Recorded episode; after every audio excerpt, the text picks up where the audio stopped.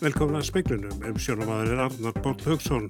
Bæði fórsættistráþur og heilbyrðisráþur að segja að dagurinn dag sé stór dagur. Tilkynnt var í dag að frá miðnætti verði öllum samkomu takmörkunum aflétt innanlands. Það viðum meðal annars grímurskildu, nándareglu og fjölda takmarkanir. Frankværtastjóri KSI segir mikið tillökunar efni að haldi inn í sumarið án hólfaskiptinga og grímurskildum. Eftirspurni eftir tónleika og ráðstefnusölum tók kipp í hátíun eftir að heilbriðs á þeirra tilkynnt að öllum sótvarnar aðgeðum hefði verið aflétt innan lands. Frankværtastjóri samtaka ferðarþjónustunar fagnar afléttingu sótvarnar en segist hafa vonast eftir því að gröfur um tvöfaldar skimun og sótkví á landamæránum hefðu ekki verið látt að gilda fram í miðjan ágúst. Mikil gleði ríkir með afléttingar samkomu takmarkana og vekkfarendur er á einu málum að þetta sé mikil gleðidagur. 24.000 skamtar af bóluefni AstraZeneca koma til landsins á morgun. Bólusett verður með því á miðugudag og 50 dag í næstu vikun. Og við segjum frá 100 miljóna bandarækjadala tilröðunarstofu í kvik og eldfjallafræði við Kröblum. Frá minnati falla niður allar samkomu takmarkanir og aðrar takmarkanir innan lands vegna COVID-19. Frá 1. júli verður hægt að skema börn og fullorna sem koma til landsins og eru með vottorðum bólusetningu eða fyrir síkingum. Aðri sem koma til landsins verða framvisa á fram með PCR vottorðum og undirganga skimun og dvelja í sótkví í fimm daga. En hér innanlands hefur öllu verið aflétt. Það er verið að aflétta öllu hér innanlands uh, og það sem að uh, það þýðir er það að við erum ekki lengur með neinar takmarkanir á fjölda, við erum ekki lengur með neinar takmarkanir á fjarlag millir fólks, uh, við erum ekki lengur með neinar staði þar sem á að vera með grímur og við erum ekki lengur með neinar takmarkanir á opnunatíma starfsemi. Þannig að allar þessar takmarkanir sem áður höfðu verið eru úr gildi fallnar frá með minnætti. Þetta var Svandi Svavastóttur heilbyrjist að fram, nána veru rætt við hana síðar í speiklunum og einni Katrinu Jakobsdóttur forsætistráþurann og Þóról Guðnarsson sortvandalækni. Það er mikill léttir fyrir knaspindufélögin að sótvandaraðgerðum og hólfarskiptingu áhverjunda hafi verið aflétt, þetta segir Klara Bjasmars, eh, frangotastjóri KSI. Félögin hafa orðið fyrir tekjumissi vegna fækkunar áhverjunda í faraldrinum. Þetta breytur öllu og við erum, eins og held ég flestir landsmenn, þá erum við í skíjanum yfir deginum og, og hlökkum til næstu daga. Það er flott viðspá á morgun og, og nú geta okkar aðaldafélag afnumið þessi holðaskiptingu sem við hefum verið að keira stíft á og, og grímuskildinu og þetta allt og ég held að gleyðist allir yfir, yfir þessum áfunga, langþráð áfunga. Auk þess að hafa þurft að takmarka áhrifundafjölda hafi félagin þurft að bjóða upp á salerni í mismunandi hólfum og veitingastæði. Félagin hafa orðið fyrir tekjutabi í faraldrinum. Þetta tíanbíl og síðast að tíanbíl hefur náttúrulega breytt mjög miklu og haft mikil áhrif á innkomi félagina varðandi aðgangseri sem er stór hluti þegar tekju öflum og vonandi mynd þetta núna skilja sér í auknum fjölda áhörunda og sumarið að koma þannig að þetta er, horfur allir betri vegar segir Klara Bjartmars. Kristín Siguradóttir talaði við hana. Eftirspurn eftir tónleika og ráðstefnusölum tók kipp í hátíðinu eftir að heilbyrðisaðra tilkynnta öllum sótvarnaraðgerðum hefði verið aflétt innanlands. Svanhildur Konráðstóttir fórstjóru hörpu segir að stafsfólki þar sé mjög létt að losna við að þurfa að framfylgja grímuskildu og takmörkunum. Þetta breytir náttúrulega mjög miklu. Okkar viðbröð í dag voru að við fjallumst bara í ársins fylgstu merkingu í faðma í, í húsinu og vorum ótrúlega glöð með þetta og þetta breytir heil miklu. Við höfum þetta verið með grímurskyldu á viðbröðum til þessa og það er frábæst að það sé búið að aflétta því. Er þegar byrjað að ringja og kannan hvort það sé að lausi salir? Já, við fundum það bara strax uh, upp úr hátteginu að, að þá færðist aftur lífi í, í töskurnar en, en ekki það eins og ég segi, það er nú þegar búið að vera alveg í mánuð og gott betur en það mikil hreyfing á, á bókunum svona frá og með höstinu. Og þessi afletting, hún svona einfaldar ykkar störf? Hún einfaldar allt náttúrulega. Það er, það er eins og gefur að skilja þó að það hefur auðveldara í hörpu en á flestum öðrum stöðum að, að vinna með þessar sótarnareglur og takmarkanir af því að húsið er svo stórt og við erum með marga inganga í marga sali að þá hefur þetta óneitanlega verið alltaf svona talsverður handlegur og viðfansefni að tryggja það að allt er samkvæmt bókinni þannig að mínu fólki er mjög létt verði að segja. Þetta var Svanetur Konráðsdóttir, Kristín Sigurðardóttir talaði við hana. Mikil gleði ríkir með aflettingar samkomu takmarkana og vekkfærendur er á einu málum að þetta sé gleði dagur. Eitt af því sem við lærum af ástandunni í faraldurnum sé að taka meiri tillit til annara. Stöllurnar Kristjana Valgerstóttir, Ástís Erlendstóttir og Anna Valgarstóttir voru saman á ferð þegar þær urðu á vegi okkar í dag. Mikið rétt, ég hef búið ána með það. Ég er enda full bólusett. Ég hef full að trúa á teiminu, þau eru búin að standa sér vel og okkur hefur gengið vel. Þannig að vonandi verður það bara þannig áfram. Árdís Erlendstóttir hverst einnig sæl með daginn.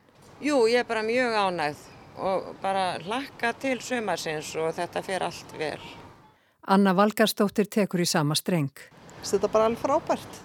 Ólafur Kristján Valdimarsson og Hjalti Freyr, sonur hans voru að koma frá tannlækni. Þetta er bara mikil gleði að hérna, geta farið í búð og, og kringluna að þess að þurfa að hafa neina ákjör og hérna, það er fint að vera að lausa grímuna. Ég er reynda gaman að við vorum að koma frá tannlæknirfækarnir, ég og Hjalti og hérna, þá sér maður núna vestlýst tannlæknirnir sem er alltaf með grímu og nú vitum við öll hinn hvernig þeim líður alltaf.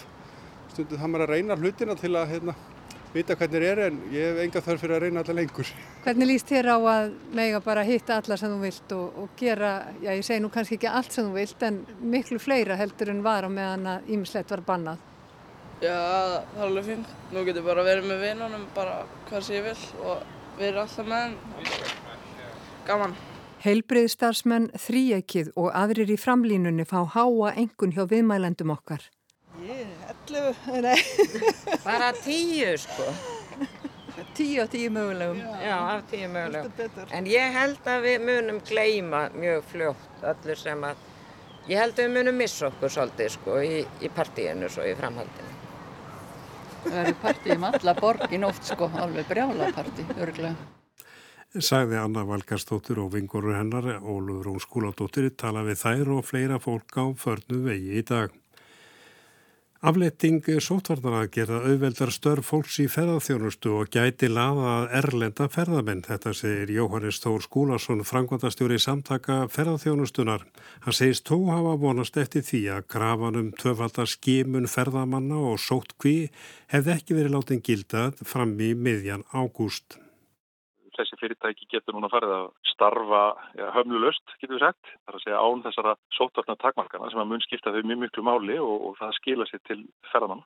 En heldur að svona fólk út í heimi takk eftir því að Íslands sé orðið frálsleira og langið þess að kominga?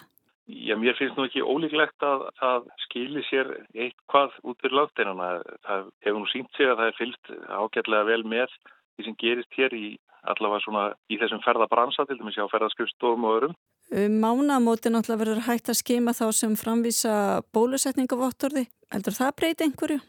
Það getur já, muna því að það verður heldur meira aðlagand að koma hinga í styrtiferðir. Eh, við höfum síðan að þetta hefur verið til dæmis atriði sem að ímsar ferðarskristóð sem selja hópferðir hafa verið að, að horfa til. Við vonumst náttúrulega síðan til þess að þegar að líður núna á að, að þá verði hægt að hætta með þessa töföldu skimun og sóttkví sem er náttúrulega kannski það sem að þá enn stendur svona eðlilegri ferðarþjónustu fyrir, fyrir þrjum. Hvað fyrstur um að það hef ekki verið tilkynnt um það í dag? Já, við hefðum gætnan viljað séð að, að það væri sett á það dagsetning í dag, einhvern tíðan meðan júli eða um mannanótin júli-ágúst. Reglugerðin gildi til 15. ágúst og við vonumst þá til þess að, að þetta verði þá ekki framlengt að minnstakosti þá og vonumst náttúrulega til þess að þetta verði tekið til aðtökunum fyrr. Segir Jóhannes Þór Skúlason og það var Kristín Sigurðardóttir sem að talaði við hann. En það er ekki alveg búið að spreita, von er á spröyta, von er á 24.000 skömmtum að bólefni AstraZeneca til landsins á morgun. Heilsugjæsla höfuborgarsvæðisins er búið nú fjölda fólks í setni bólusetningu með bólefnina á miðugudag og fymtudag í næstu viku dagana 30. júni og 1. júli.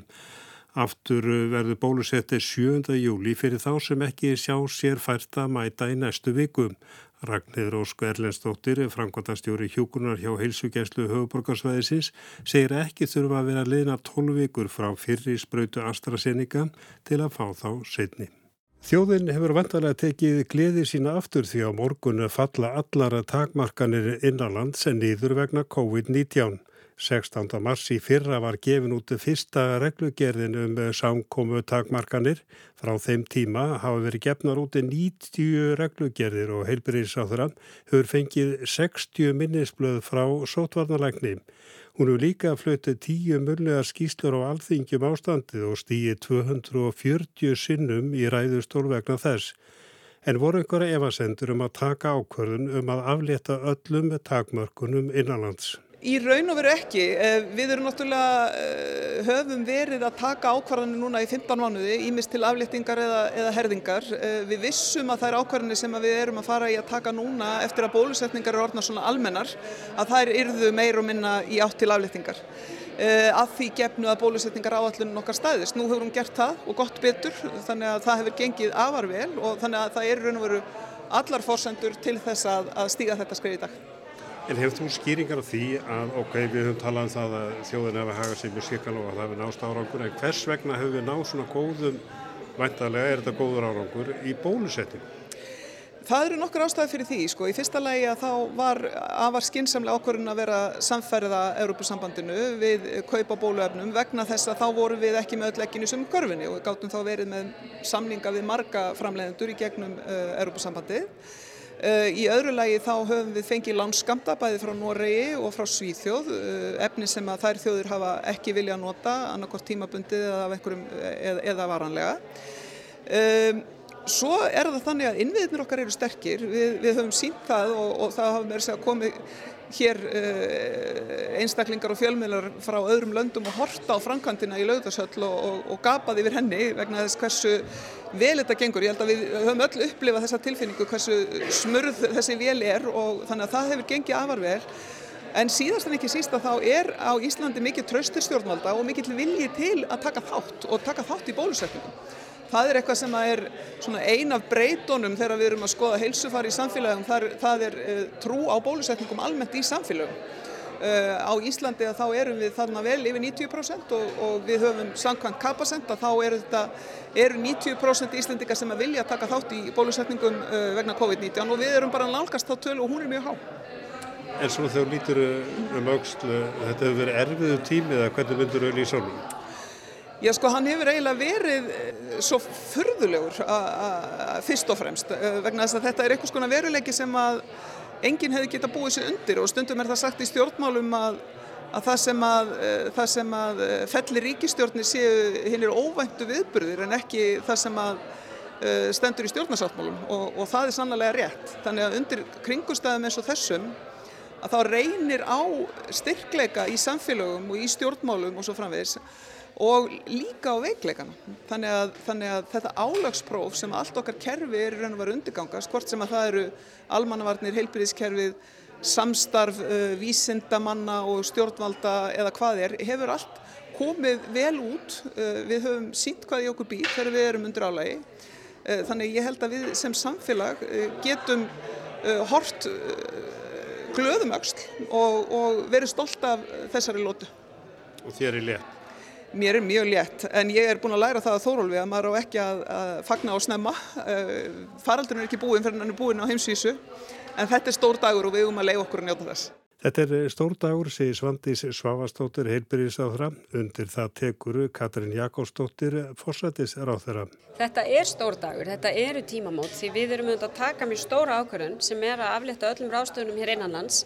Uh, Við teljum okkur hins vegar í fullum færum til að taka þessa stóru ákvörðun vegna þess hversu vel hefur gengið að bólusetja landsmenn og það eru þetta bæði vegna velskipulara framkvæmdar á bólusetningum en ekki síður vegna mikils vilja almennings til að taka þátt í bólusetningum á Íslandi sem er uh, nokkuð sem gef, gerir það verkum að við erum í fremstu röð uh, í samfélagi þjóðana þegar kemur að þáttöku í bólusetningum og hvernig þær hafa gengið.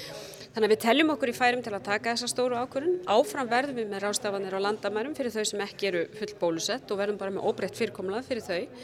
Þannig að við teljum mikið vægt að við halda ákveðnum rástafunum þar og auðvitað hvetjum við áfram til þess að fólk uh, sýnir skynsemi eins og það hefur svo sannlega gert undanfarnar 15 mánuði og, og, hérna, og svona gæti ídrasta hreinlendis og allt slíkt en við erum bara komin á þennan stað að þetta er tímabært. En hvaða afleiðingar hefur þetta? Hvaða áhrif mun þetta hafa? Það er verið að afleita öllu innan lands mun aðunlífið taka hressilega við sér? Já, ég held reyndar vegna þess að við höfum nú búið við all mikið frelsi undanfarnar, undanfarnar vikur að sko atvinnulífið sé þegar farið að taka við sér og við erum að sjá aðgeri stjórnvalda þegar kemur að vinnumarkasmálum bera árangur. Við erum að sjá atvinnuleysi fara niður á við sem eru frábærar frettir líka og uh, þannig að ég hef þá trú að þessi frétt í dag muni auka enn á og gefa atvinnulífinu enn meiri viðspyrnu kraft. En önnur áhrif til dæmis, eh, það eru skorður við landamærin en munu já, líklega erlendir eh, ferðamenn já, líta Íslandi hýru auðar. Já, við skennjum það. Eh, í fyrsta lagi er nú meiri hluti þeirra sem hinga kemur er bólusettur, full bólusettur uh, og ég hugsa nú að já, Ísland verði litið hýru auga sem staður sem hefur gengið mjög vel svona í alþjóðlegum samanbyrð að takast á við faraldurinn bæði í bólusetningum eins og ég nefndaðan en líka auðvitað í sótvarnarástöfum þar sem við getum bara verið mjög stolt af okkur og okkar samfélagi hvernig það tókst á við allar þessar rástafanir. En svona þegar þú lítur tilbaka núna, þetta er búið að vera langur tími, eh, er þér létt? Ég menna þetta er gleðidagur, þetta er mikill gleðidagur og ég hef þetta verða að segja það því þetta mál, þessi heimsfarandur hefur í raun og verið tekið við bæði líf mitt og starf undanfatna svona 15-16 mánuði þá auðvitað verði ég að segja samt að ég er nú fyrst og fremst bara þakklátt fyrir að vera hluti af þessari heilt sem er Íslands samfélag. Það er nú, sko, það sem ég tek út úr þessu faraldri er hversu óbúslega uh, styrkleika okkar samfélag hefur sínt í gegnum hann. Þú sér að við hefum sínt samtaka mátt uh, þjóðinn og þetta var smátið saman. Kom þér það að óvart? Já, kannski ekki óvart, en það var samt óbúslega gott að upplifa það og þetta verður reynd á ímislegt. Ég nefndi það hérna aðan að við erum öll allir smákókar, samt höfum við öll geta unni saman að þessu markmiði og mér finnst það að sína bæði svona samtakarsamfélag og samfélag þar sem bara fólk uh, með því að forgangsraða þessu mikilvæg verkefni hefur bara sínt ótrúlega, ótrúlega getur við sagt, já bara kærleika í raun og veru. Það er nú eitt af því sem að getur tekið út úr þessu hvað við höfum sem samfélag sínt mikinn kærleika í gegnum þessa mánuði. Vinurðinn Þórólur, hann saði hér rétt á það að þetta er ekki búið, erum við að stíga ykkur hættuleg skref? Já, þetta er auðvitað allt gert í fullu samráði við sóttvarnalækni og aðhans tillu og einhvern tíma þarf að stíga þetta skref. Uh, en auðvitað verðum við áfram að gæta okkar og við verðum áfram að passa bæð upp á okkur sjálf og upp á hvert annað. Þannig er það, að því að hérna, auðvitað er faraldurinn ekki búinn og við sjáum það í heiminum og það er meðal annars ástæða þess að við höldum áfram þessum ráðstöfunum á landamærum, að því að við viljum ekki taka óþarfa áhættu. Við viljum ekki taka óþarfa áhættu, segir Katri Jakobsdóttir fórsættist á það, en hvað segir Þórólur Guðnarsson, sótvarnalagnir, er við að stíga einhver hættuleg skref? Við höfum allan tíman verið að, að stíga svona óvissu skref, við höfum aldrei vita nákvæmlega hvað býður okkar, hvort sem við höfum að herða aðgerðir eða slaka á, þannig að við höfum alltaf þurft að Að, að, gera þetta eftir bestu samvisku og, og við höfum reynd að gera þetta alltaf þannig að öll skref byggja á þeim gögnum sem við höfum verið að sapna og, og, en ekki einhverju tilfinningarsemi og ég held að við sem akkurat að gera það núna auðvitað e, sko, eru allir gladir í dag en, en, en e, ég vil ekki vera leiðilegi gaurin í partíinu en, en við þurfum eins og kom fram hérna áðan að að gæta vel að okkur. Þetta er ekki búið. COVID er ekki búið. Það er ekki búið að bólusetja nefn að líti brota heimsbyðinni og, og faraldurinn á eftir að ganga áfram. Við getum að þetta að sjá einhverja, einhverja óvænta hluti. Þannig að við þurfum að passa okkur, við þurfum að gæta okkur í einhverja einstaklisbundu sótvörnum þó að staðan sé svona góð hjá okkur. Ég vil hvetja fólk til að vera ekkert að fara til og með sér ferðarlegu erlendis nema þessi full bólusett og það gildi þá líka um, um börn þannig að, að fólk getur smítast áfram, fólk getur líka, við getum fengið einstakar síkingar hér innanlands, fólk getur uh, veikst alvarlega, hugsanlega, en við myndum ekki fá uh, einhvern stóran faraldur, mér finnst það bara mjög óleiklegt, en við getum fengið einstakar síkingar, þannig að við þurfum að passa okkur vel áfram og við þurfum að, reyna að hafa eins góðar og, og ábyrgar aðgerður á landamærunum eins og mögulegt er og ég held að við séum að stíga, stíga þau skref síðan verðum við bara að sjá hverju þetta skilur okkur ef við lendum í einhverju vandrað með þetta og það kemur eitthvað bakslag annarkort bólefni virka ekki, við fáum nýja afbreyða veirunni þá getum við þurft að endur skoða það sem við erum að gera En Ísland er vantalega landi, eina landi í výðri veröld sem er að aflétta nánast öllu. Já, hverju þakkar þennan árangur? Við getum talað um góðan árangur. Við getum svo sannlega talað um góðan árangur og ég vil, þakka það bara öllum, öllu samfélaginu, uh, hvað það hefur tekið vel þátt í því sem við erum að gera. Allt stjórnkerfið, allir aðilar hafa verið að róa í sömu átt og menn hafa verið að, að, hérna, að stefna sama marki og, og ég eh, held að það sé það sem hefur skilað okkur þessum árangri og, og, og bara til dæmis þessar íþingjandi aðgerði sem við þurfum að grípa til þegar að faraldurinn hefur verið að blossa upp hvað hafa skil, skilað fljótt árangri eh, er bara merkjum það hvað almenningar hefur tekið vel við sér og verið eh, með vel inn í inn í þessum leik. Þú hefur unnið hörðum höndum, ekki haft mikið frí en er komið kannski tími á sumar frí? Já, ég vona það. Ég ætla nú að reyna að taka mér eitthvað frí í sumar og, og hérna sé, sé svona fram á það og það verður bara gleðilegt. En þú ætlar ekki út fyrir landstyrnuna? Nei, ég hef engan áhuga á því. Ég ætla að reyna bara að vera hér á Íslandi. Það, Ísland hefur, ég náði ekkert eða lítið af Íslandi í fyrra, ekki eins mikið eins og ég vildi og ég ætla að reyna að bæta mér það upp núna í, í, í ár.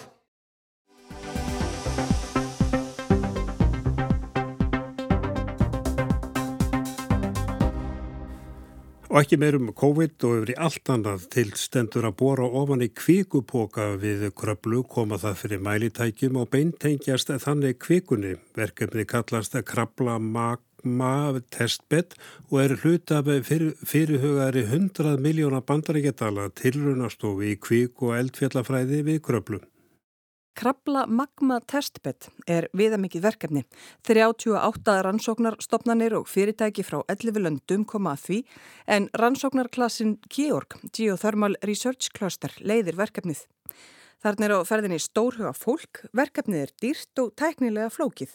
Það á að setja upp tilraunastofu í kviku og eldfjallafræðum við kröplu, sér Hjalti Pál Ingálsson, framkvæmdastjóri Georgs. Í raunni er kvikuhólf þarna sem er eina kvikuhólfið í heiminum sem menn vita nákvæmlega hvað er á 2 km dýpi. Og við ætlum okkur að nýta það tækifæri sem við höfum hérna, einstaklega tækifæri, til þess að, að búa til ákveðin gang eða aðgengi að þessu kvikuhólfi í þessari rannsóna mistuð og svara þar anlegandi alls konar rannsóna spurningum bæði hvað var þar eldfjallafræði og áhættu greiningu í kringum eldfjallafræði og slíkt, hvernig getur við skilið betur svona kvikupóka sem liggur í jærskorpunni, hvaða merki er hann að senda á yfirborðið og svo líka að skilja betur hvernig væri hægt að nýta svona kvikupóka til orkuframlýslu og þá miklu hægkvæmir orkuframlýslu. Það er vitað að kvikan liggur þarna vegna þess að árið 2009 stóð til að bóra 4,5 km ofan í jærskorpuna í fyrsta hluta annars tilrönaverkefnis, Íslenska djúbórunaverkefnisins. Það þóttu sjálfsagt vonbreyði þá þegar ekki var hægt að bóra lengra og gler, þar að segja nýstorknuð kvika, kom upp með bornum. En segja má að það hafi falist ákveðin hefni í þeirri óhefni að lenda á hinum áður óþægta kvikupoka. Og svo þekkingarinni skapar þetta tækifæri núna að bóra viljandi í þessa kviku og búa til svona rannsóknar aðgengi að, að kvikupoka sem liggur í, í allskorpunni. Hugmyndin til lengri tíma er einmitt að búa þarna til innviði sem að hægt er að hafa opna fyrir rannsóknar menn að koma og svara sínum spurningum hvað var þar bæði kviku fræði eða eldfjallafræði og líka jarðhitta og, og orkuvinslu og nýsköpunur í kringum það, alls konar mælitæki sem henn vilja prófa við erfiðar aðstæður og mikinn hita og, og náttúrulega þessi eða efnafræði sem er í í jarðhitta vögva þar sem á svona há, háum hita, miklum þrýstingi. Hjalti Pál bendir á að þekking á jarðskorpunni sé mikið til byggða á kenningum. Það við sáum það nú bara núna á Reykjanesi að það voru svona Það voru svona miskoðar kenningar en, og menn hafa lært mjög mikið þar þegar kvikan kom upp þar og allt það sem var að gerast þar.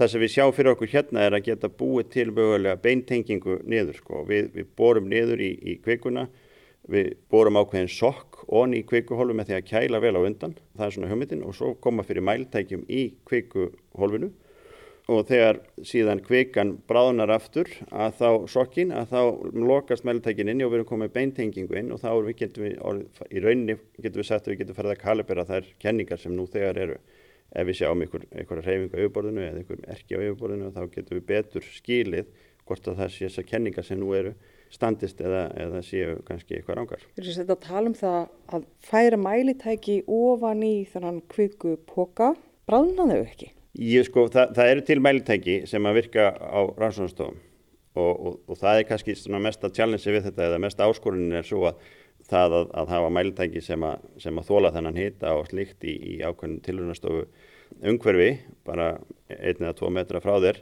það er svolítið annað að, að stilla því upp tvo kilómetra án í jörðinni, þannig að það er vissulega eina af þessum stóru áskorunum en við vitum að það er til tækni sem að þólir þessar aðstæður, spurningin er bara hvort að við náum að koma einn fyrir þarna og, góðan hátt og þannig að það virki. Verkefninu hefur skipt upp í nokkra hluta. Sá fyrst er hafkvæmni aðtún að meta tæknilegar áskoranir, hvaða aðferð á að nota við borun og að skilgreina rannsóknarspurningar. Svo þarf að ákveða rekstrarform til raunastóðunar og hugað fjármögnun til lengri tíma. Hjaldi tilur raun hæft að hægt verði að byrja að bóra eftir þrjú ár. Þar að segja fáist fjö til þess að bóra til raunahólu.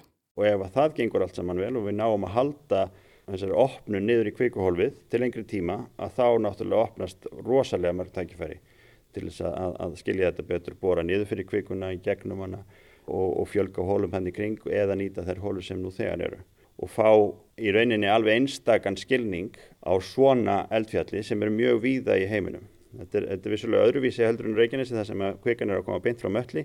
Þetta er líkara því sem að þekkir úr kannski eigafallujökli eða köllu þar sem að liggur eldri kvika eða kvikuhólf sem næri einhvern veginn að þroskast í jærskorpunni og síðan kemur ný kvika þar inn í og, og, og svona startar alls konar efnafræði sem við þekkjum.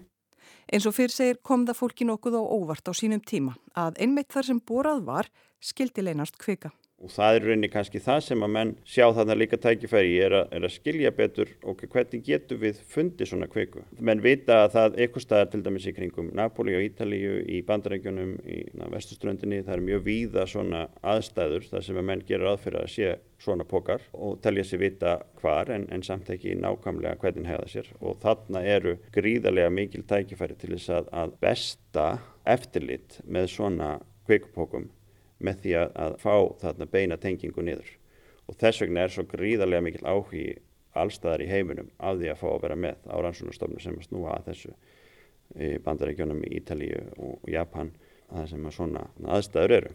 En þetta ljómar eins og verulega peninga þurfi til. Hvað kemur telurinn á stöðin til með að kosta og hver á að borga? Þetta kostar þetta gríðarlega peninga. Þetta er eitt af metnaði fullri verkefnum sem við hefum komið að Íslandingar eða við svona vonumst til að geta komið á þann stað. Við gerum að fyrir að þessi, þessi undirbúnisfasi sé cirka 500 miljónir og við hefum fengið núna stoppstyrk frá ríkinu upp á 100 miljónir sem við ætlum að nýta í þetta og við sjáum fyrir okkur líka að fá styrk frá Breitlandi og frá Rannís á Íslandi til þess að styðja við svona þessar tæknilegu áskoranir og vístilegu áskoranir. Síðan hefum við fengið peninga frá Ítalíu og síðast en ekki síst sem var mjög mikilvægt fengum styrk frá ECDP sem er International Continental Scientific Drilling Program.